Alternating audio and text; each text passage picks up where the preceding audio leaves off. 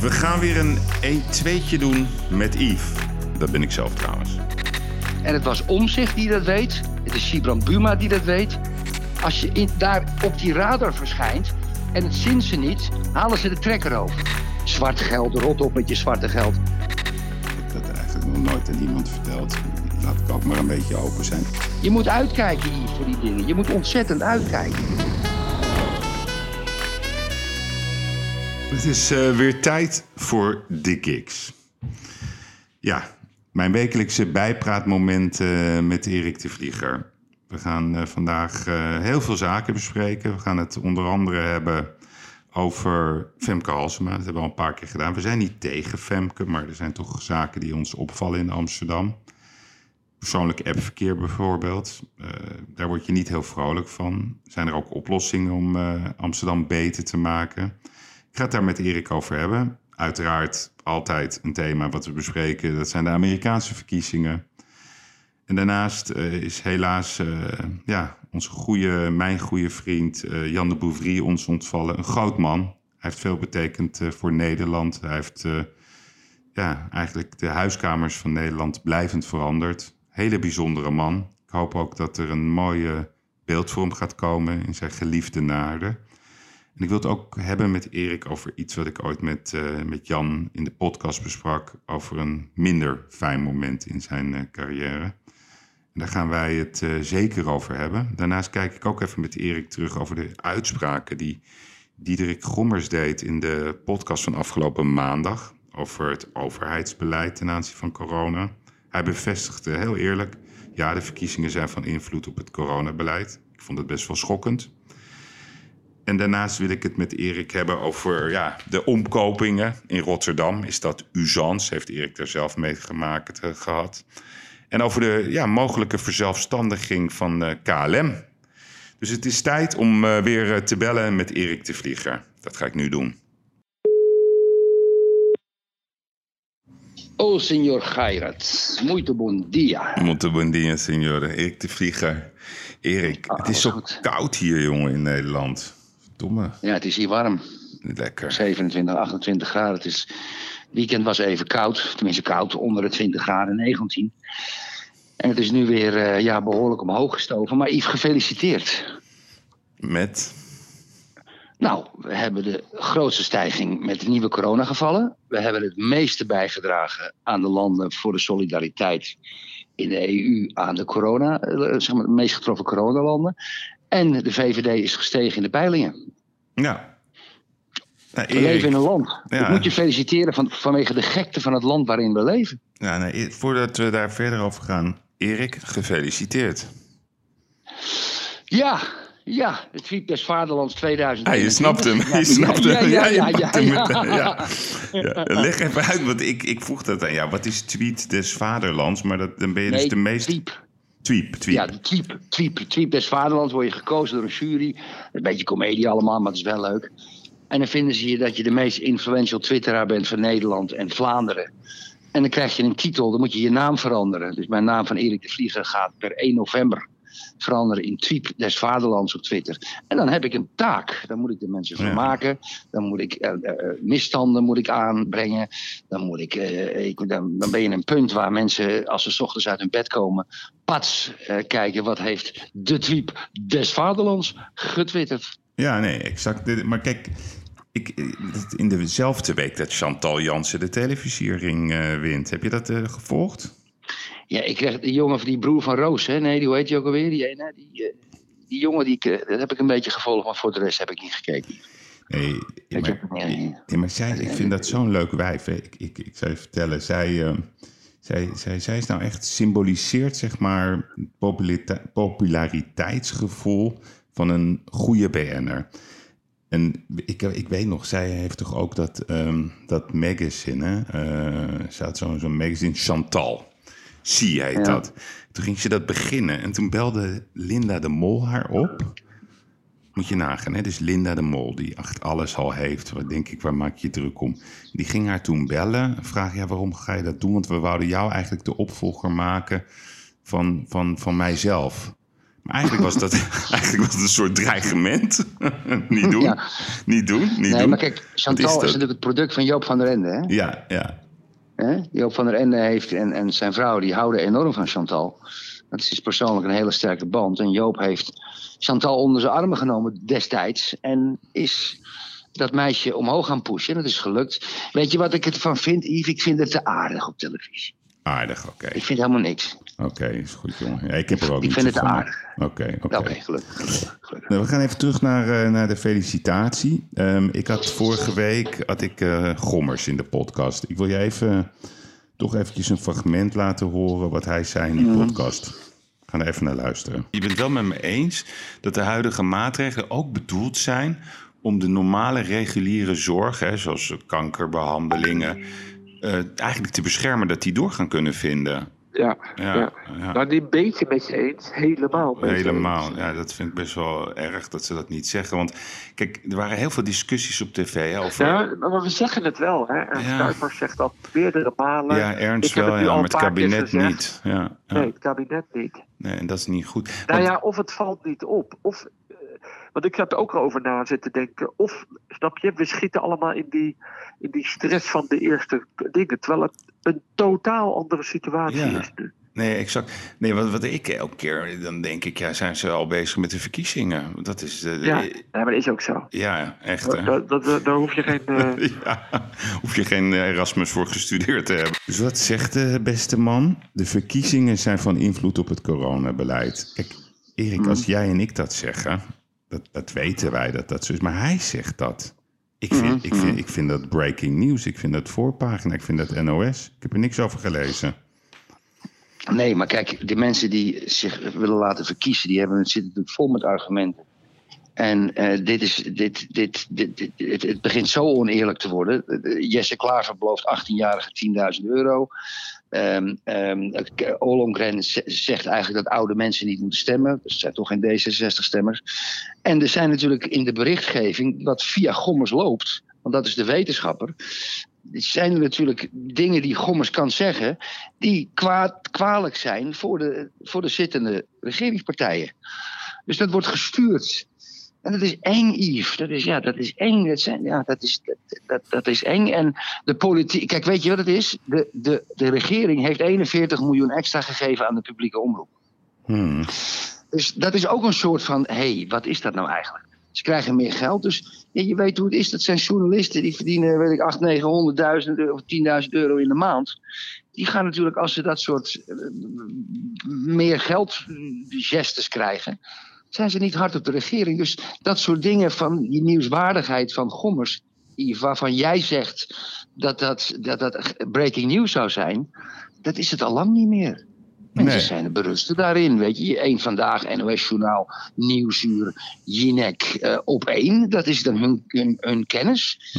Ja, dan heb je het gehad. Die- En daarom staat de VVD op 40 zetels. En dan vallen al die puzzelstukjes, die vallen natuurlijk wel in elkaar. Ja, nou ja, ik vind het ongelooflijk. joh. Als ik daarnaar luister. Ik vroeg ook aan hem, ja, hoe, hoe gaat dat dan in zo'n OMT-meeting? Ja, ik ben gewoon benieuwd, hoe gaat het? Dan zitten ze dus met z'n allen aan een tafel, dat duurt drie uur. En vert- zegt hij gewoon, ja, dan moet je je hand opsteken... en dan mag je tegen de edelachtbare eh, meneer Van Dissel mag je iets zeggen. Het wordt dan ter kennisgeving aangenomen, het wordt herhaald. Maar de notulen worden niet bekeken en het gaat gewoon één op één naar het kabinet. Ja. Ja, ja. Je hebt was trouwens een goed interview. Ja. Maar weet je wat het ook is, Yves? Kijk, die Van Dissel, eh, zegt de regering door, vanwege de druk wel mondkapjes. En Van Dissel blijft maar zeggen, het helpt niet. Ja, nee, dus dat werkt niet. Nee, dan, dan, dan houdt Nou ja, het op. Nee, maar dat, dat werkt niet. het. Ja, weet je, we vorige, mij- volgens mij hadden we de vorige keer erover. Dat in Portugal zeggen ze dak boven. eh, mondkapje op, geen dak, geen mondkapje. Nou, dat Nee. snap ik tenminste. Ja, Dus ik, ja. ben, ik ben niet En tegen niet, maat- schaadt het niet. Nee, maar ik ben niet tegen maatregelen. Maar dit, dit is geen beleid meer, joh. Het is gewoon een zootje. Nee. Het is wel, eh, het is wel verdrietig. Hey, even snel over, over... Jij noemde net onze vriend Jesse Klaver. Ehm 10.000 euro. Dat zijn, Ja, er zijn ja. ongeveer 200.000 jongeren per jaar. Dus zo, zo kom je uit Ja. dan op eh, die 18 jaar worden. 2 ja, maar hij zegt ook, er zijn 200.000 miljonairs, die moeten dat betalen. Ja, nee, dat zegt hij. Ja. Maar jij bent ook miljonair, dus eh, dan moet jij ook 10 mil eh, extra storten in het eh, jongerenfonds. Ja, nou laten we hopen dat GroenLinks uh, heel veel stemmen krijgt als ze in de regering komen. Het is gewoon stemmen kopen. Dit is eigenlijk, eigenlijk is het gewoon heel ordinair wat hij doet. Ik, ik vind trouwens. Omkoping. Ja, het is omkoping. Omkoping. Kijk, het idee. Ik, ben, hè, ik vind het idee nog niet zo gek. Maar nu gaan we eventjes als ondernemers praten. Dus jij bent de baas van een bedrijf wat 300 miljard euro per jaar aan vaste inkomsten heeft, BV Nederland. Er is werkelijk waar niemand die zegt van... goh, misschien moeten we eens even kijken hoe we die 300 miljard aan de kostenkant... gewoon ietsje naar beneden halen. Ik heb nog nooit iemand gehoord dat er misschien gesaneerd moet worden. Slimmere overheid, flexibeler, sneller. Dat, dat is helemaal geen issue, joh. Dat komt eraan. Ja, denk je? Welke partij? Nee, dat weet ik zeker. Dat vertel ik je in november. Breaking news. Oké, breaking news. Ja, ja, ja, Hey, heb jij ook die kwestie gevolgd in Rotterdam? Vond het wel grappig, die, die omkopingskwestie in Rotterdam. Met al die Rolex en enveloppen, ja. Yves, wat ordinair, hè? Wat een ordinaire omkoping. Kijk, weet je, omkoping zou je toch denken, dat doe je een beetje stiekem. Ja. Ja, maar... ja. Maar heb een jij... met een Rolex. Ja, dat is er niet. Maar heb jij er wel eens mee te maken gehad met omkoping? Toen je nog in, in Amsterdam actief was? Gewoon eerlijk? Niet echt. Natuurlijk eerlijk, eh, niet echt. Wat ik wel, wat ik wel zijdelings ehm, zeg maar op het randje zat, dat was met Ton Hoijmeijers. Kan je ja. dat nog herinneren? Ja, ja, zeker. Kijk, Ton Hoijmeijers, die was wethouder of zo. En die, ja, dat vond ik trouwens, hij was een hele goede wethouder. Dat weer wel. Maar kijk, in, in, in het segment waar ik zaken deed, zat je eerder met de mensen van het grondbedrijf en het havenbedrijf. Hmm. Ja, dat waren echt in Amsterdam uitstekende mensen, uitstekende ambtenaren. En, en Ton Hoijmeijers was een wethouder, ja, die, die, die, die, maar die heeft nooit wat gevraagd. Ik heb verder in, in, zeg maar in, het, in, het, in het vastgoed met bouwvergunningen in Nederland heb ik het echt niet gemerkt. Nee? Echt niet. Nee, ik, als ik het gedaan had, zou ik het je nu vertellen, zou het verjaard zijn. Maar uh, weet je, het, overigens in Portugal is de omkoping en de corruptie ongelooflijk groot. Maar ik probeer daar echt van weg te blijven hoor, Yves. Nee, daar moet je ook van weg. Nou, ik, zei, ik zou eer, wel eerlijk zijn. Ik heb zelf natuurlijk uh, zeven jaar zaken gedaan in Rusland. En daar is het gewoon normaal. Hè? Dus uh, ja. er gaat geen ja. deur open ja. zonder een envelop te geven. Als je daar een beurs organiseert. Nou ja, China ga ik niet eens met je over hebben. Dat is zo gestoord. nee. Maar ik had, ik, ken jij nog dat bedrijf Mediamax? Dat was van Dirk-Jan Parelberg. Ja. En dat, ik praat echt over nou, de negentiger jaren. En ik had toen een, een bedrijfje en ik deed de van trams van lijn 5. En dat, nou, dat deed ik heel handig. Dus op een gegeven moment zei ik van, joh, ik wil eigenlijk gewoon de, de unieke exclusieve licentie voor lijn 5. Dus nou, dan moet je naar de GVB. Dus een heel gedoe, ik naar dat GVB.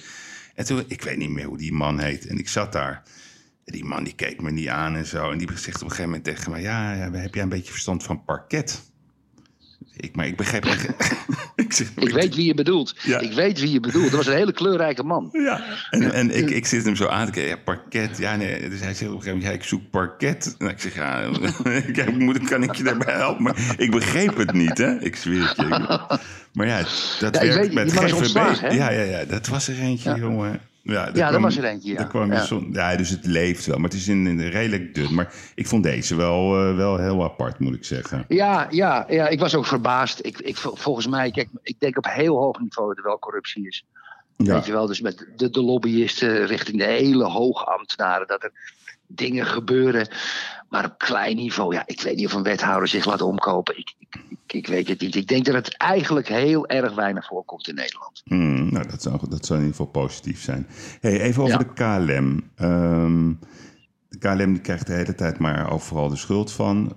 Iedereen vergeet mm. dat het vorig jaar eigenlijk een heel goed bedrijf was. Um, mm. Vind jij niet dat het tijd wordt uh, dat Hoekstra gewoon nu de keuze gaat maken om KLM te verzelfstandigen? Gewoon loskoppelen van die Fransen?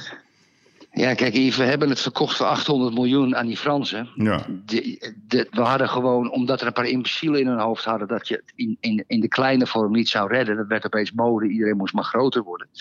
Anders werd je in de globalisering opgegeten, was het argument. Uh, 800 miljoen als je de vliegtuigen waarvan de leasecontracten die eruit liepen had geherfinancierd, had je die 800 miljoen makkelijk al gekregen. KLM is ook een bedrijf wat ontzettend gedomineerd wordt door de, de, de pilotenvakbond. Hmm. De piloten verdienen enorm veel geld. Ik snap dat wel een beetje, want hè, om piloot te worden, je studiekosten, je moet leningen aangaan. Maar niemand wil een stapje terug doen. En ehm, ik denk als je gaat privatiseren en het komt echt in privéhanden, er komt iemand met de botte bijl, eh, dan krijg je eh, heads up, dat bedoel ik de werknemer tegen de werkgevers. En dat zou slecht af kunnen lopen. Ik denk dat de KLM als nationale vervoersmaatschappij toch wel eh, een overheidsbemoeienis moet hebben, hoor Yves. Nee, maar dat bedoel ik ook. Hè. Maar ik, ik vind gewoon dat Nederland gewoon moet kiezen voor de K. Kijk, weet je wat, wat mij... Vanochtend zat ik te denken...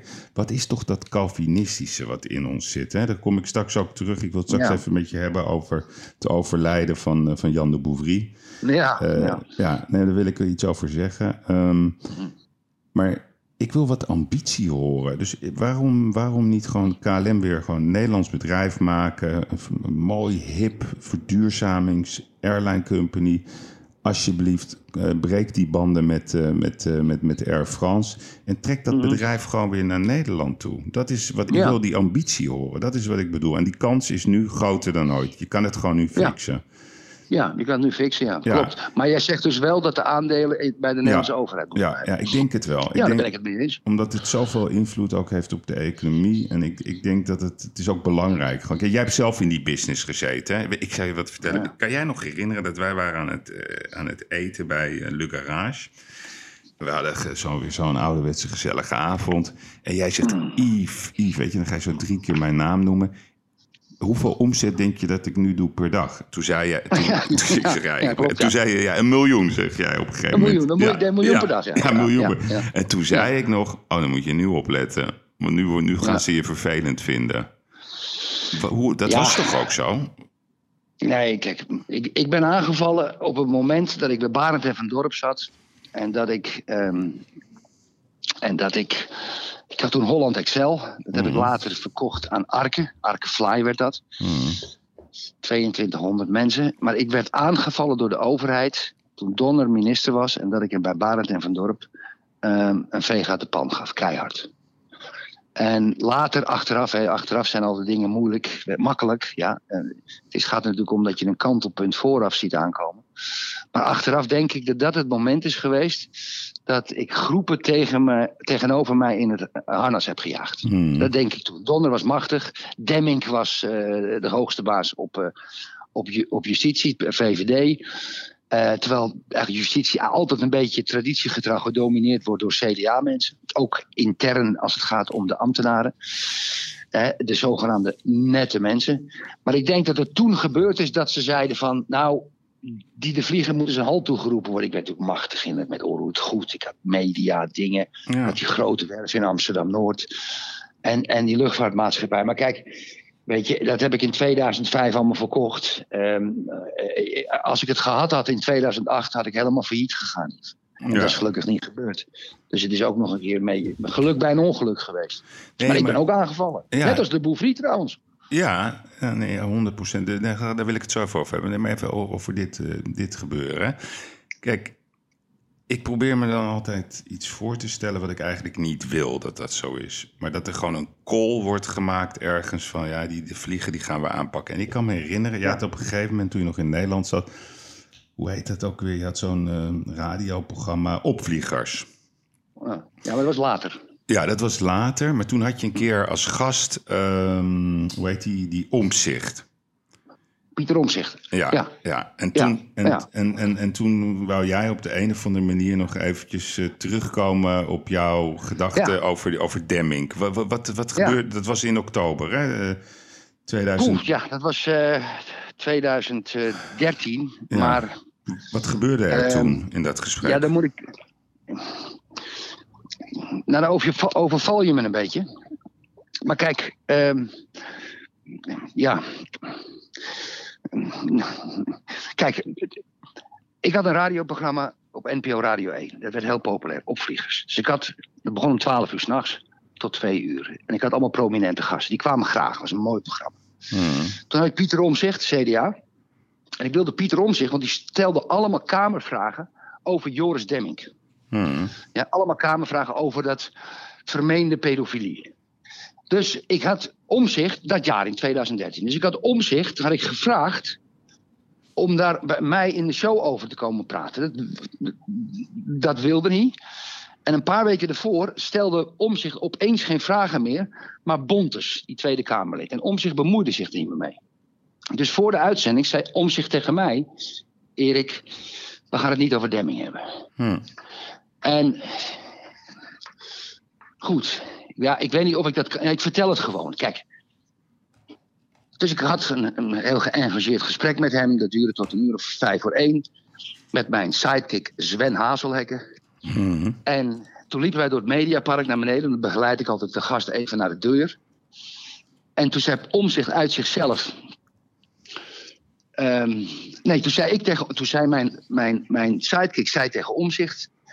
Pieter, waarom kon je niet over Demming praten en waarom stel je geen kamervraag? die Sven zei dat. Die Sven zei dat, die vroeg dat. Toen, toen stopte hij, hij zegt, ik zal het je vertellen. Onder een soort embargo. En toen zei hij, de embargo zei hij er eigenlijk niet bij. En toen zei hij de le- letterlijke woorden. Ik ben gestopt toen Sibrand Buma bij mij woest in mijn werkkamer kwam. Want die had van Rutte een opdracht gekregen dat ik moest stoppen met kamervragen over Demming. En toen heb ik het dossier overgegeven aan Bontes. Nou, dus wat ik eigenlijk zeg, is dat Rutte bij Sibrand Buma de Kamer is ingegaan. Sibrand Buma in het partijbelang, in het coalitiebelang, of wat voor belang dan ook, gesommeerd is om geen Kamervragen meer te stellen over Demming. Ik zeg, Pieter, dat moet je ooit een keer openbaar maken. Hij zegt, dat doe ik wel, maar ja, dat is nu ook alweer zeven jaar geleden. En ik heb daar een getuige bij, Sven Hazelhekken. Ik noem zijn naam, ik weet niet of ik zijn naam mag noemen of je dat goed vindt, maar maakt me ook niks uit. En het was Omzicht die dat weet, het is Sibrand Buma die dat weet, het is Rutte die dat weet en het is Bontes die dat weet. Jezus. Dat is er gebeurd. En toen moest dat, toen moest dat stoppen. Dus het punt is, Yves, waar jij ook mee begint. En ik, ik weet niet of ik er spijt van heb of ik dat nu verteld heb. Het punt is dat er krachten werken. En die krachten, daar is ook overigens niet van te winnen. Oh, ik heb gewonnen, want ik ben vrijgesproken van een taakstraf die ze me wilden eisen. Maar ja, ik was bijna al mijn bedrijven kwijt, Yves. En 80 miljoen aan vermogen. Dus als ondernemer Kijk, dat krijgen al die gasten ook. Kijk, Jip, die zit heel veel op de voorgrond. Let maar op, die krijgt ook nog een tik van de belasting. Want als je op de voorgrond treedt in Nederland, binnen dat hele Calvinistische hoge ambtenaren, partijbelangen, ehm, eh, be- bestuurlijke mensen, als je in, daar op die radar verschijnt en het zint ze niet, halen ze de trekker over. Punt. Erg hoor. Heftig dat, dat is misschien al honderden jaren, dat is misschien al honderden jaren zo geweest hier. Moet je alleen weten. Mijn Ja. zoon die in zaken gaat, die vertel ik. Kijk, wat ik goed gedaan heb, dat weet hij allemaal wel. Maar de dingen die ik slecht gedaan heb, of die fout kunnen gaan, dat geef ik hem gratis en voor niets mee. Allebei mijn zonen trouwens. Dus je moet uitkijken, Yves, voor die dingen. Je moet ontzettend uitkijken. Nou ja, ik zou je vertellen, je had het over Barend en Vandoor, maar ik ga het er niet vandaag over hebben. Ik, ik ga hem voor je bewaren voor volgende week. Maar ik heb zelf, eh, ik zat ook een keertje bij Barend en Van Dorp. Dat was, ja, ik weet niet meer, 2005, zeg, geen idee.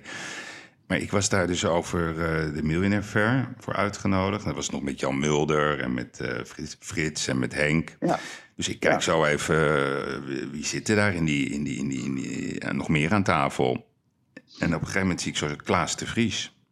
Ja, Ja, nee, dan moet je luisteren. Dus ik zeg nog tegen mijn vrouw, ah, Klaas de Vries, ik weet het niet hoor. Dat- Daar heb ik een raar gevoel over in die hele kwestie fortuin. Ik zeg maar, Ja. ik, ik ga het niet aansnijden joh. Als die man gewoon eh, normaal doet, eh, dan, dan laat ik het gewoon. Maar ja, je weet hoe dat gaat bij zo'n tv-uitzending. Dan kom je eerst eh, in zo'n ruimte. Hè? Dan zit je met elkaar en dan, dan, worden- dan gaan ze je sminken en dan krijg je een kopje. Ja. koffie. Ja. Dus ik kom die man daar tegen en die deed weer zo vol dédain tegen mij. Dus ik zeg nog tegen mijn vrouw... Ik zeg, nou, ik denk, ik denk dat ik er wel over ga beginnen. Mm, Erik, dat werd een uitzending. Ik ga het opzoeken. We gaan het volgende week bespreken. En dan ga ik ook vertellen... Dan ga ik vertellen wat zijn reactie was na de uitzending. Dat is echt wel iets om uit te zoeken. Maar die bewaren wij voor volgende week. werd je bang? Werd je bang? Mm, Of, of Ik had je hem nog niet door? nou, ik had, het, Nee. eh, ik had het wel door. Maar Ja. ik, ik, ik, ga, ik, ik, ik bewaar hem voor volgende week. Het is best heftig. Ehm, Daar hou ik je, daar hou ik je aan. ja, is goed. Luister, eh, Jan. Kijk, Ja, daar wil ik het Ja. even met je over. Jan is zo, was Ja. zo'n zo'n fantastische man. Ik heb hem, ik heb hem twintig jaar eh, gekend. ja. Het grappige is, Jan, eh, vriendschap met Jan begint meestal met een conflict. Ja, ja nee, ik had die eerst in Meunen in de passagiersterminal. Maar ja, wist ik veel, joh. Ik had dat bedacht en eh, ik had helemaal niet het idee dat dat zo gigantisch zou worden. Er werd een hele toestand, eh, alle zenders live. En dat was in die, in die terminal had je van die mooie roltrappen. Dus ik ga omhoog. En Jan, die, had, die zat een beetje irritant te doen ehm, ja, op tv. Ja, dat kan allemaal niet, die naam en zo. Dus ik zie hem zo afdalen, die roltrap. En we kruisen elkaar. Dus ik roep zo over die rol. Jij bent Jan de Bouvrie, hè? Ja, ja. Ik zeg, wacht op mij beneden. dus ik meteen onder. Dus ik naar hem toe. Ik zeg, wat zijn het voor teksten, joh, wat jij net vertelt? Ik zeg, jij bent een positieve man. Waar, waar, waar, waar slaat dit op? Het is toch leuk dat we Ja. dit doen?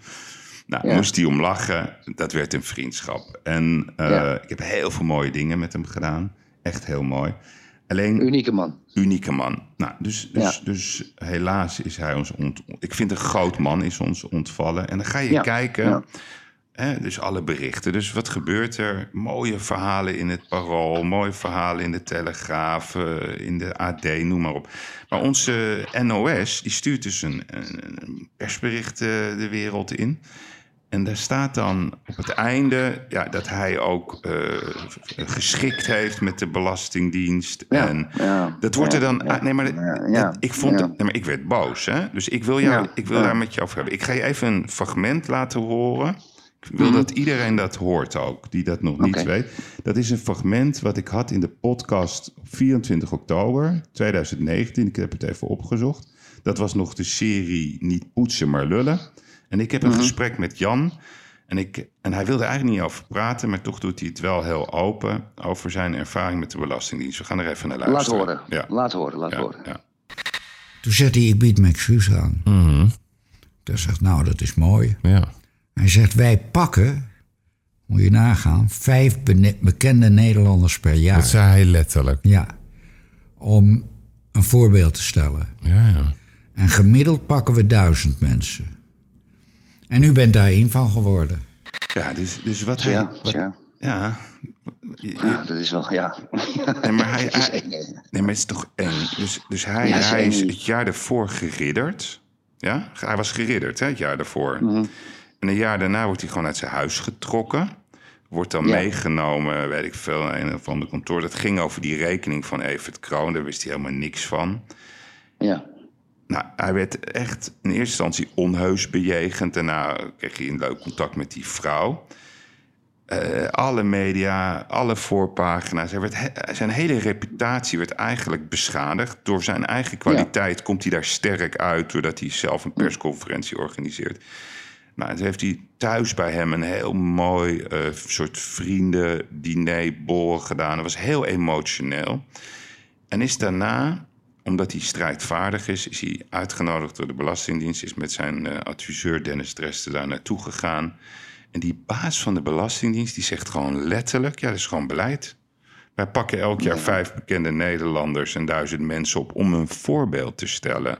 De beste man, Jan, heeft, eh, was helemaal, heeft, eh, er viel helemaal niks te schikken. Ze hadden hem royaal, dus hij is ook.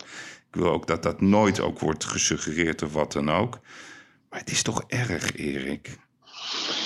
Yves, het is, kijk, die, die de Bouffry, dat was natuurlijk helemaal geen lelijk mens. Ja? En, die, en die, die, die, die, die, die doet geen kwaad, of die wil de wet ook niet overtreden. Dat zit helemaal niet in die man. Nee. En, en, en die komt dan op, het, op de radar van zo'n groep mensen. En het leed wat ze daarmee veroorzaken. Ja? Kijk, weet je, ik heb nog een andere theorie. Misschien had hij wel nog wel langer geleefd. Want door de ellende waar je in terechtkomt, je gezondheid, je rookt, je drinkt, je doet, je weet ik veel wat, dat, dat, dat het lichaam van hem ook een klap heeft gekregen. En uiteindelijk dat dat, dat misschien ook zijn dood heeft kunnen inluiden of kunnen helpen. De, de, het leed wat dat soort mensen doen. En ik heb natuurlijk een vergelijkbaar verhaal gemaakt. Waren het niet dat mijn mond veel groter was en ik meer zeg maar, irritatie opwekte. Maar toen, toen, toen justitie eh, met mij aan de gang ging en uiteindelijk een taakstraf eiste en maar zeven jaar lang heeft gepest. En, en, en met hulp van de media. Nou, de media wil ik niet zeggen. Want er waren natuurlijk ook een paar journalisten die wel begrepen dat er wat anders aan de hand is. Maar telkens maar het stempel opplakken. Dus dan kom je niet meer bij een bank. Je kan geen transactie meer doen, Nee, et cetera, et exact. cetera. Maar op datzelfde moment, Yves, kwam ook de belasting bij mij binnen. Hmm. Met tientallen mensen. Waar, en- waar, was dat? In, in, in, in- Ah, de be- in de bedrijven in Amsterdam. Gewoon binnenvallen. Bedrijven. ja. Nou, die, ja, ja, die gingen me lastigvallen. Hmm. En dan kreeg ik, eh, kreeg ik bijvoorbeeld een, een vragenlijst van, met 150 vragen. Ja. Nou, ik, ik zit in een doodstrijd in mijn, in, mijn, in mijn bedrijf.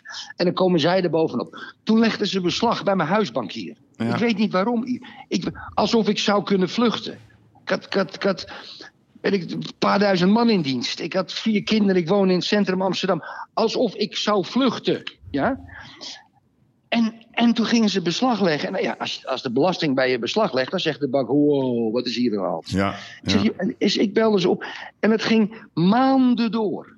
Aan het einde van de rit, en ik ga je zo direct vertellen wat er in de tussentijd gebeurd is. In het einde van de rit was er niets aan de hand, omdat ik mijn zaakjes, administratief en fiscaal, goed eh, op orde had. Ik, ik hou niet van offshores, eh, of, of weet ik veel wat, dat soort gezeik. Zwart geld, rot op met je zwarte geld. En en, en, en ze bleven. En, Yves, en dan had ik, moest, kwam ik weer met mijn accountants en mijn advocaat. Hupsakee, weer 5000 euro, 10.000 euro. En dan ging ik die vragen beantwoorden. En dan kreeg ik weer vragen. Dat was een uitputtingsslag. Dus Ja. aan de ene kant de recherche en aan de andere kant de belasting. En toen zei ik op een gegeven moment, nu is het genoeg. Nu is genoeg. Nu is genoeg. En toen heb ik die tweede man gebeld van de Belasting Amsterdam. En toen heb ik gezegd, luister. Als je nu niet ophoudt. Ik wist dat hij in Leiden woonde en met de trein op Sloterdijk elke dag kwam. Dan sta ik op station Sloterdijk te wachten. Ik sleur je op de rails. En ik sla zo hard met je kop op de rails dat de rails krom buigt. Hij zegt, meneer, dat is een bedreiging. Ik zeg, het is. Ja, het is. Toen werd ik gebeld door de grote baas. Die zegt, meneer de vlieger... Nee, de grote baas belde mijn accountant. Die zegt, luister, als de vlieger zo doorgaat... dan doen we eh, aangifte tegen hem. Toen zegt die man, de accountant belde mij op. En die zegt, wat moet ik terugzeggen? Ik zeg, zeg dat ik hem morgen weer bel. Met dezelfde commentaar. Dat je wat, weet je? Dat ik hem morgen weer bel met Ja. dezelfde commentaar. Ja, ja. Doe maar aangifte. Gewoon doen. Gewoon doen. Want ik vond, het was, oh, Yves, het was over voor mij. De dood of de gladiolen. Het maakte me niets meer uit. Daarna ben ik uitgenodigd. Bij die nummer 1 en die nummer 2. Toen hebben we een ongelooflijk goed gesprek gehad. En toen zei hij in één, één zin, in een heel gesprek. Ik geef toe, meneer de Vlieger, dat we iets te heftig met u geweest zijn. Ik geef toe, meneer de Vlieger, dat we iets te heftig met u geweest zijn. Ik zeg, jongens, waar heb ik de wet overtreden? Waar? Leg het me uit. Alleen maar vragen, alleen maar vragen, vragen, vragen, vragen. Maar het beslag leggen was een doelbewuste poging om het vloerkleed onder mijn tafel te trekken. Ja. Ja? Het, dat was een doelbewuste poging. En, en, en, en dat is natuurlijk ook het gesprek met Jan de Bouffrier waar we het eerder over hadden. En die vijf mensen die per jaar die aangepakt moeten worden. Dat zijn doelbewuste keuzes. En die komen ergens vandaan. Ja, die Ja? komen ergens. Onzichtbare mensen, grijze mensen, ergens hoog bovenin. Die denk, de Hiersbalien, de Demming, de Donner, en, en, en- dat, dat Minerva gebeuren. Weet je wat een beetje in die top van justitie zit? En die zeggen, wij vinden dat de maatschappij zo ingericht moet zijn. Dan hebben ze twee lijnen, dit is het midden, daar gaan we in lopen, dat is prima. En alles wat er aan de linkerzijde, aan de rechterzijde uitspringt, ja, dat pakken we aan. Ja. Dat pakken we aan. Dus ja, Yves, eh, jij met je miljonairsfair, die naam, en, en, en, en je, en je media appearance. Jij hebt natuurlijk ook een fiscus op je dak gehad. ja, nee, ik Ja, zou je heel eerlijk vertellen. Kijk, je gewoon. nee, maar weet je, dit is een heel moeilijk onderwerp. Hè? Omdat is heel makkelijk. Nee, maar ik- vind, Ja, het mooi, ik, nee, ik vind het mooi dat je er zo over praat. Want ik, ik heb zelf, hè, ik heb dat eigenlijk nog nooit aan iemand verteld. Laat ik ook maar een beetje open zijn. Ik heb ook gewoon zeven jaar gezeik gehad met die mensen. En precies hetzelfde Zeven jaar? Zeven jaar, Ja. Erik. Ik weet dat, Yves. En dan krijg je dat. Mhm. eerst krijg je tien vragen. Ja, ik heb het je wel eens verteld. Nou, dan antwoord je netjes. Dan krijg je, als je tien vragen antwoordt, krijg je vijftig vragen. Dan krijg je honderd vragen. En ze maken Ja, je ja. helemaal gek. En ze gaan Helemaal gek. ze gaan je dan, eh, ze gaan inderdaad beslag leggen, advertenties Uitputten. plaatsen. Nou ja, je bent gewoon kansloos, want iedereen denkt, nou, er zal wel wat aan de hand Nou, zijn. zo er dan uit zo, ja. Ja, ja. en. En, en wat ze er allemaal bij doen, jongen. En dan ze komen je panden in. Ze gaan zich vragen stellen die er niet toe doen. Het is een, Ja. het, het- en je bent helemaal kansloos als je inderdaad niet mondig bent. Ze vreten je Ja. gewoon compleet op. Maar ik, ik wil dat dit verandert. Daarom wil ik er gewoon over praten. Ik weet gewoon dat het, heel- dat het bij heel veel ondernemers gebeurt. Echt heel veel, tienduizenden ondernemers. Ze durven er niet over te praten, omdat ze ofwel gebonden zijn aan een bank. Omdat ze denken, die machten die zijn zo sterk, daar kunnen we ons niet tegen, tegen verzetten. Ik wil gewoon een ik ander heb- systeem, Erik. Ik, daarom Ik heb wil nog ik meer. Ik heb, ja, ik heb nog. Ik heb, dat an- sorry dat je in de reden van. Ik heb, ja. eh, Er is nu aan de- aan- op het moment ook nog wat aan de gang.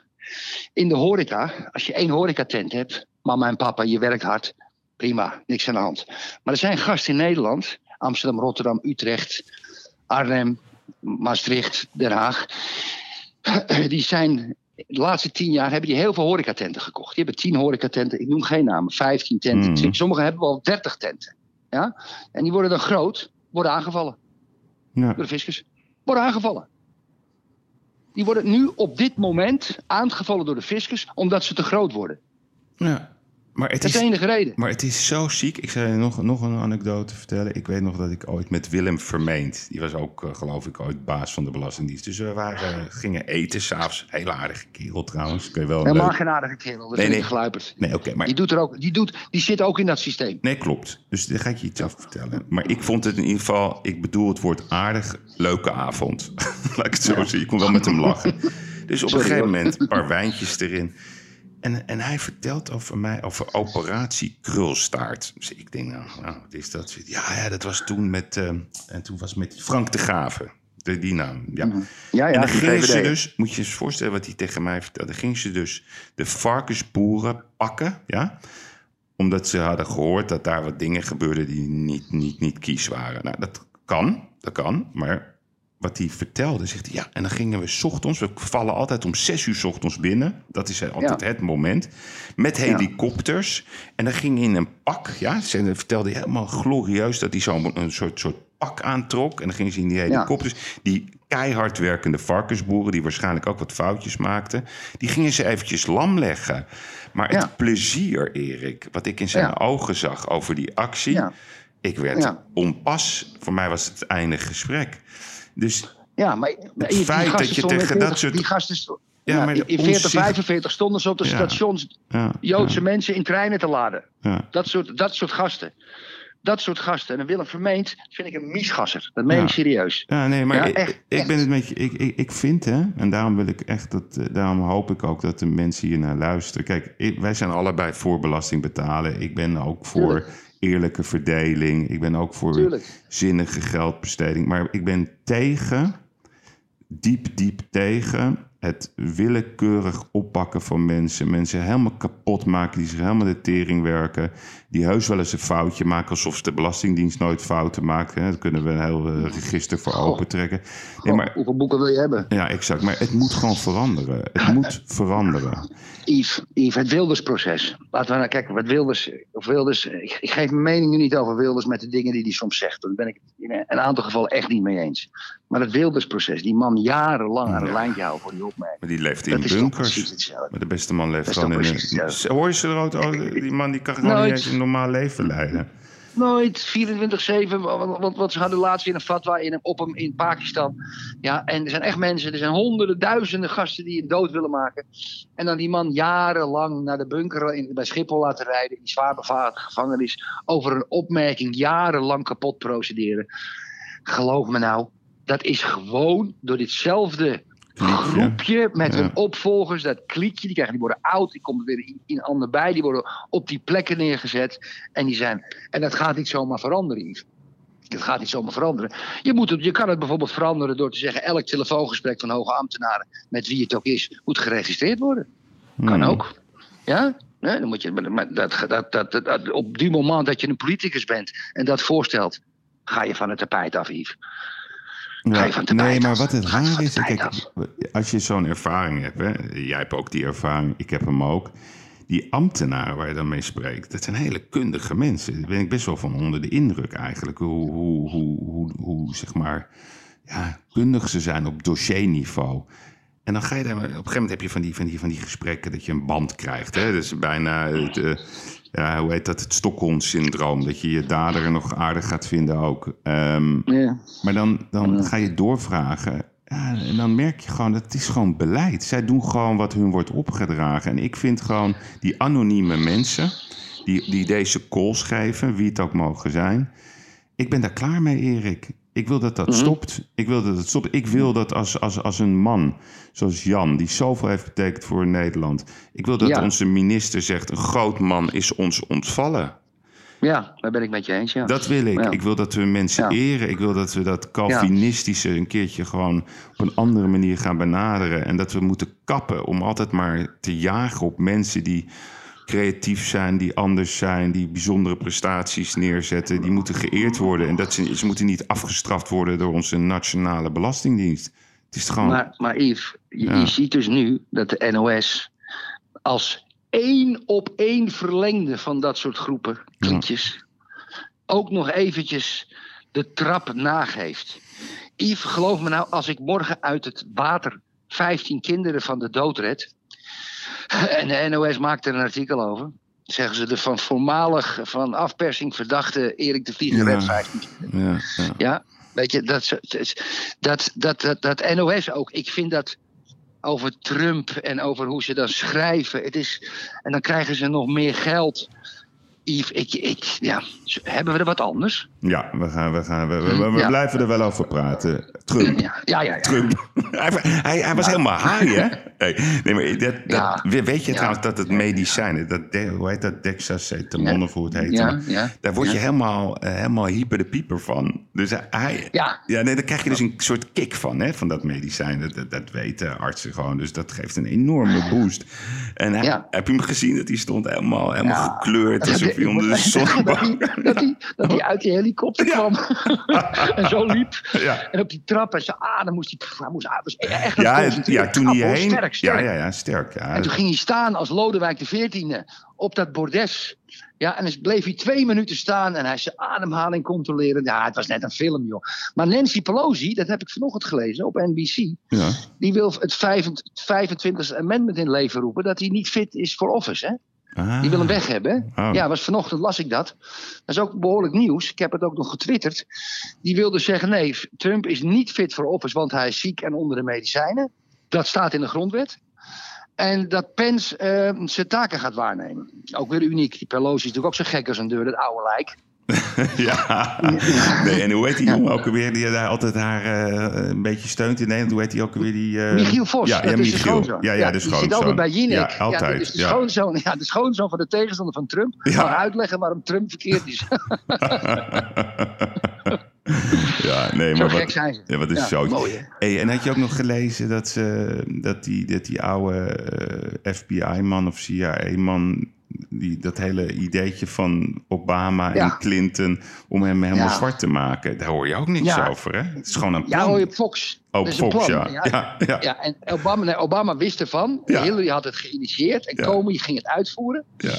Dus tijdens de verkiezingen op- hebben ze Trump afgeluisterd. Wat aan al die mensen gedaan. vanwe- Vanwege de Russische interventie. Dat komt nu uit. Excuus. Dat is op geen enkele vooraanstaande Nederlands medium, Duits, Frans, Portugees vermeld. Eh, alleen Fox News vermeldt het met de onderliggende papieren. Ja, eh, de Pravda is er niks bij vergeleken. CNN zegt er niet eens wat over. Hey, en weet je, al die verhalen over Rusland. Hè? Ik, heb hier nog een, ik heb een mooi verhaal voor je. Ik, ik was heel goed in Rusland met Aras Agalarov. Nou, die ken jij niet. Maar dat is een, is een multimiljardair uit Azerbeidzjan. En hij, had, hij was eigenaar van eh, ja, enorme stukken grond in een buitenwijk van, van Rusland. Zeg maar de, de raai van... Moskou. Ja, ja, sorry, van Moskou, ja. Dus de, de, raai, de raai van, eh, eh, van, van, van Moskou, maar echt gigantisch. En ik ben ooit een keer gebeld door de Washington Post. Want ja, die, die hadden mijn naam dan gezien. En die, die wouden me natuurlijk weer een bepaalde hoek duwen. Dus ik zei, nee, die Agalarov is prima. Maar die Agalarov, dat is de connectie. Want hij had toch die, die Miss World verkiezingen, Trump. Ja, Ja, Ja, en dat ja. heeft hij dus gedaan bij Aras daar, op dat, eh, op dat complex. Eh, ja, ja, ja. Nee, ik weet precies hoe het zit. ik ga niet alles over vertellen. Maar Dus die, hij, hij is daar naartoe gegaan en eh, weet je, die Trump houdt ook een beetje van leuk leven. Maar ze hebben er dus een Ja. soort heel verhaal van gemaakt over Russische connectie en beïnvloeding. Dat is zo'n bullshit verhaal. Maar hij had daar wel Hmm. een band. Maar de echte connectie was die Aras Agalarov. Nou, Ja, dus, ja. dus die Washington Post die belde mij, die zat er maar door te vragen. Ik zei, nee, maar dat is gewoon een prima kerel, joh. Ja, die heeft er gewoon een enorm complex opgebouwd op zijn eigen manier, met zijn eigen stijl. Is ook, en zijn, zijn, zijn zoon is weer getrouwd met eh, de koning of de dochter, weet ik veel hoe dat allemaal werkt daar, van Azerbeidzjan. Maar dat was de connectie. Zo is het begonnen tussen Trump en Agalarov. En dat is allemaal heel onschuldig. Weet je nog dat ook die verhalen dat hij in een hotel sliep en dat hij dan een hoer had laten komen die ging moesten Ja. plassen of zo. Plassen, ja, ja, is ja, bedenken ja. Maar Dus je hebt de Washington Post gehaald. ja, ja, ja, ja, maar ik heb me toen... mooi. Ik, heb me Ik toen, ook, ik, ik ook een keer, Yves. Ja? Maar op een hele negatieve manier. Ja. Oh, wat dan? Wat ik heb je nou weer gedaan? ik, ik kreeg het aan, ik kreeg het aan de stok met een donkere journaliste van de Washington Post op Twitter. Een Oh. hele beroemde. Ik ben de naam vergeten. Ja, En dat werd een hele. Die, die, die, ziet, die, die ziet onder elke steen ziet ze racisme. ja. Ja? En het is s'avonds en ik heb een wijntje op. Ik denk shit, weet je. Want ik, ben- ik denk, nou, nou ga ik voor de kill ook. Dus ik schrijf aan haar. If it wa- ja, Amerika, kolonie, weet ik wat. Ik zeg, if it wasn't for us, you wouldn't be working in Washington. Ja? Hmm. Dus, dus dat, is, dat, dat is een beetje een lullig opmerking, vind je niet? ja, dat is een beetje lullig, ja. die- Ja, een beetje lullig. En die werd afgedrukt in de Washington Post. Dat er ook in Nederland racisten zijn. Ja, nee, maar ik heb dat toch ook een keer. Ken je dat verhaal nog wat, ik toen, wat wij toen hadden? Toen had ik nog de, al die bladen, de Jackie. En toen had... Och, met de Rihanna-gate. Rihanna-gate. Ja, de Rihanna-gate. Eva En- Hoek. Ja, ja, Ja, nee, maar goed, Eva, kijk, ik, ik bedoel, er is een heel verhaal toen over gemaakt. Ik vind Eva een schat. En dus, dus ik ga daar helemaal niks naars over zeggen. Alleen ze heeft toen heel onhandig lopen twitteren. Ja, ja. Maar jongen, Erik, wat, Oh ja, wat ons Rihanna toen ge- Gate, dat weet maar ik wat nog. ons gebeurde, jongen. De, de, de, de, de, alle Amerikaanse stations, wij waren het nieuwe Ja. racisme eh, mediabedrijf van Nederland. Dus ik heb toen maar de regie genomen en zeg ja, sorry, eh, niet zo bedoeld. En Nee. toen moest ik nog opdraven, Erik, bij de Westergasfabriek. ik zal het nooit vergeten, ben ik met Eva naartoe gegaan. Eh, tegen een of andere, eh, ja, weet ik veel, organisatie die allemaal vond dat wij niet deugden. En toen, en, en ik zal het nooit vergeten, toen kwamen we eraan. Toen moest ik op een bank zitten die helemaal op de grond lag. Dus ik lag eigenlijk op de grond. Dus ik zeg, nou, ik zeg, ik, ik zeg, jongens, ik ga gewoon staan. En die mensen gingen tekeer. Ik zeg, maar heeft iemand überhaupt ooit dat Jackie gelezen? Nee, daar had nog nooit iemand van gehoord. Ik zeg, Maar dat had ze ook weer gezegd, Eva. Wat was het ook alweer? nou ja, we mogen dat woord niet noemen. Dus, Nee, eh, laat maar zitten dan. ja, ja, het dan, is een bitch, we weer, eh, bitch, ja, dus krijgen we bitch. Aquasi weer. ja, krijgen nee, en daar had ze iets voor. Alleen, er zat echt geen kwaad bij, jongen. Maar Nee, wat, er, nee. wat er dan Nee. allemaal... Er komt er, en toen hebben wij nog... eh, toen zei ik van, joh, laten we proberen toch eh, ja, te verbinden. Toen heb ik een schilderij laten maken. Heel mooi schilderij. Black and white. Door een kunstenaar. Eh kostte ook nog godsvermogen. Heb ik laten sturen aan Rihanna. Gewoon. Ik zeg, eh, hè, dus alsjeblieft laten Mm. we helpen. Laten we verbinden. Er zit er geen intentie. Nooit meer wat van gehoord. Ja, dat vond ik een slecht verhaal. Weet je, dan... dan Waarom dat- heb, je het, waarom heb je het schilderij niet door mij laten maken? Yves? ja, had ik moeten doen, had ik moeten doen. Ja. Nou ja. hey, Erik, even nog even het bizarre appverkeer tussen... eh, we moeten toch even in deze lijn blijven. Het bizarre appverkeer tussen eh, Halsema en Sylvana. Vind je daar nou Ja, van? Daar hebben we niks meer over gehoord. Die zitten gewoon lekker met elkaar te appen over die demonstratie. Yves, Yves, een burgemeester van een stad met een splinter oppositiepartijtje. Die zit in dit soort, dit soort totaal warme persoonlijke appjes. Wat knap van de Telegraaf trouwens met het WOP-verzoek dat ze dat Ja, ja, hebben. zeker. En geen journalist op de Telegraaf na dan. Geen journalist die daar verder iets over schrijft. Yves, stel je nou eens voor dat Thierry Baudet of, of, of een appie geeft aan, aan, aan, aan, aan ja, noem eens een wethouder. Over een, eh, over een demonstratie. Jongens, we gaan Ja, lekker. En, NOS, voorpagina. Dan, dan, eh, voorpagina? Ja. Voorpagina. Voorpagina. En dit wordt helemaal onder de pet geschoven. Het is weer het bewijs dat ne- 90% van de grachtengordelmedia... en daar reken ik Hilversum ook bij, want grachtengordel is natuurlijk een term... dat is allemaal één verlengde geworden van, van de mainstream... Eh, waarbij eh, alles wat rechts is weg moet... En alles wat extreem links is ook natuurlijk. Maar gewoon GroenLinks, D66, PvdA, VVD, natuurlijk ook een linkse partij is geworden. Eh, dat, dat wordt allemaal met hand en tand beschermd. Het, eh, ik, ik, ik, ik, ik wilde niet drie keer per uitzending. eh, Nee, nee, nee. Maar ik, ik, ik heb Ja. zelf, weet je, ik, ik hou zelf van oplossingen en ook van, van positiviteit. Ik heb zelf morgen een stuk geschreven in het Parool. Ah, Oh, leuk. Ja, en, en eigenlijk de kern van het stuk is... Ik, ik wil dat er gewoon een OMT komt van 100 grote denkers en doeners... die gewoon gaan helpen om die stad beter te maken... en Nederland beter, te maken. Weet je, het, werkt gewoon niet. Weet je, alleen maar Nee. virologen en epidemiologen die om de tafel zitten. Mm. Er moeten mensen uit de praktijk bij... En We moeten gewoon eh, dat land beter maken en de stad beter maken. En ik hoop dat ze, Mm. dat ze een keertje naar ons gaan, eh, gaan luisteren. Mm, mooie Hey. afsluiting. Ja, nog even, nog één dingetje nog. Eh, heb je nog even de eerste wedstrijd gezien van Frank de Boer tegen Ja, Mexico? Oh, Ja, ik heb een stuk gekeken. Maar er is een ontzettend leuk filmpje dat gaat rond op social media. ja. Over Frank de Boer. Heb je dat gezien toevallig? Nee? Het is weer door Evers gemaakt. Je moet er weer door mijn tweets heen gaan. En, en, en, dan is er een soort. Die, die, die Evers die doet die Frank de Boer al zo goed na. Ja. En dat is zo ontzettend grappig, jongen. Oh, ja, eh, en eh, toen kwam er een speler. En die eh, heette Corona. En toen hebben we het RIVM gebeld. Ja, en die zei, adviseerde anderhalve meter afstand. Ja, dan, denk ik, dan voetbal je niet zo lekker. Hè? Nou, zo uniek. Hij heeft een goede Zo speler uniek. trouwens, die Corona van Mexico. Goh, Zo. wat een beuker zeg. Wat die, een heeft, beuker. die heeft ooit nog bij Twente gespeeld. You're kidding me. Ja, die heeft bij Twente Ja. gespeeld. Eh, Oké. Vind je dat die Duitser naar PSV gaat, die Gutske? Ja, vind ik wel een stunt. Alleen, Ik ook. alleen, alleen. Ik, ik denk dat het toch weer zo'n eh, zo, zo'n gokkie is geweest. Want ik kan me niet voorstellen dat die jongen fit is. Hij heeft ooit een eh, stofwisselingsziekte gehad. Nou, dat Ja, schijnt toch ja. moeilijk dan om dan nog ooit topsport te doen.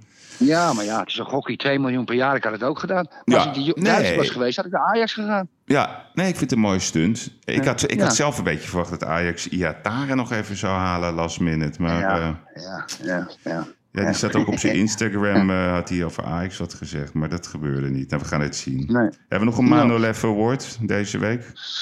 Eh, God, heb ik niet over nagedacht. Nee, ik ook niet. Gewoon, eh, gewoon, jeetje. gooi hem even in de Ehm, groep. ehm, ja. Ja, eh, ehm, ja, Jesse Klaver natuurlijk. Ja. Wat, wat, ja. Ja, natuurlijk. Wat, hebben we nou, Jesse Klaver? Als je Ja. 18 jaar wordt. Ja, weet je, stel je nou eens voor, je wordt 18 jaar, je zit nog op school. Ja, Je krijgt 10 10.000 op je rekening. tien Wat ga jij- ruggetjes, hè, wou je zeggen. Ik tien ga feesten, broodjes. hoor. Ja. ja, maar dat gaan ze allemaal doen, ja. Tuurlijk, tuurlijk. Nee, maar die, gingen ze ook een reportage maken onder jongeren. Ja, die denken, ja, geweldig, 10.000 euro. Ja, Ja, ja, ja voor, een, voor een bedrijf te beginnen met 10.000 euro. ja. Nee, oké. Ik vind ook. Jesse, jij krijgt van ons de gefeliciteerd. Award. Gefeliciteerd met deze mooie award. Ja. Oké. ik, zal het zo, eh, ik zal het zo annonceren op, eh, op social media, Yves. Jesse Klaver, gefeliciteerd. Parabens. Ah, voilà, heel goed. Nou, tweet de Vaderlands, we gaan het volgen. En eh, ik vond het weer, eh, was gezellig weer even, Erik, om je te spreken. Ik verheug me er Ja. elke keer weer op. Ik denk, dat het, ik denk dat deze uitzending nog wel een staartje heeft met betrekking tot mijn, tot mijn feiten over omzicht, Oh. Yves. Dus Oh, bakkelap. goed. Oké, als we maar geen invallen krijgen. Hoi, hoi. Oh, jeetje. Volgende week. Adios. Bye, bye, bye, bye. Ja, dit was weer de gigs van deze week. Dit was een eh, buitengewoon spraakmakende aflevering, denk ik. Heb ik zo het vermoeden. Ik hoop dat u ervan eh, genoten heeft. Volgende week ben ik er weer met een nieuwe aflevering van de gigs. Maandag ben ik er met de show De Uitblinkers. En voor nu wens ik u een heel mooi weekend toe. Tot volgende week.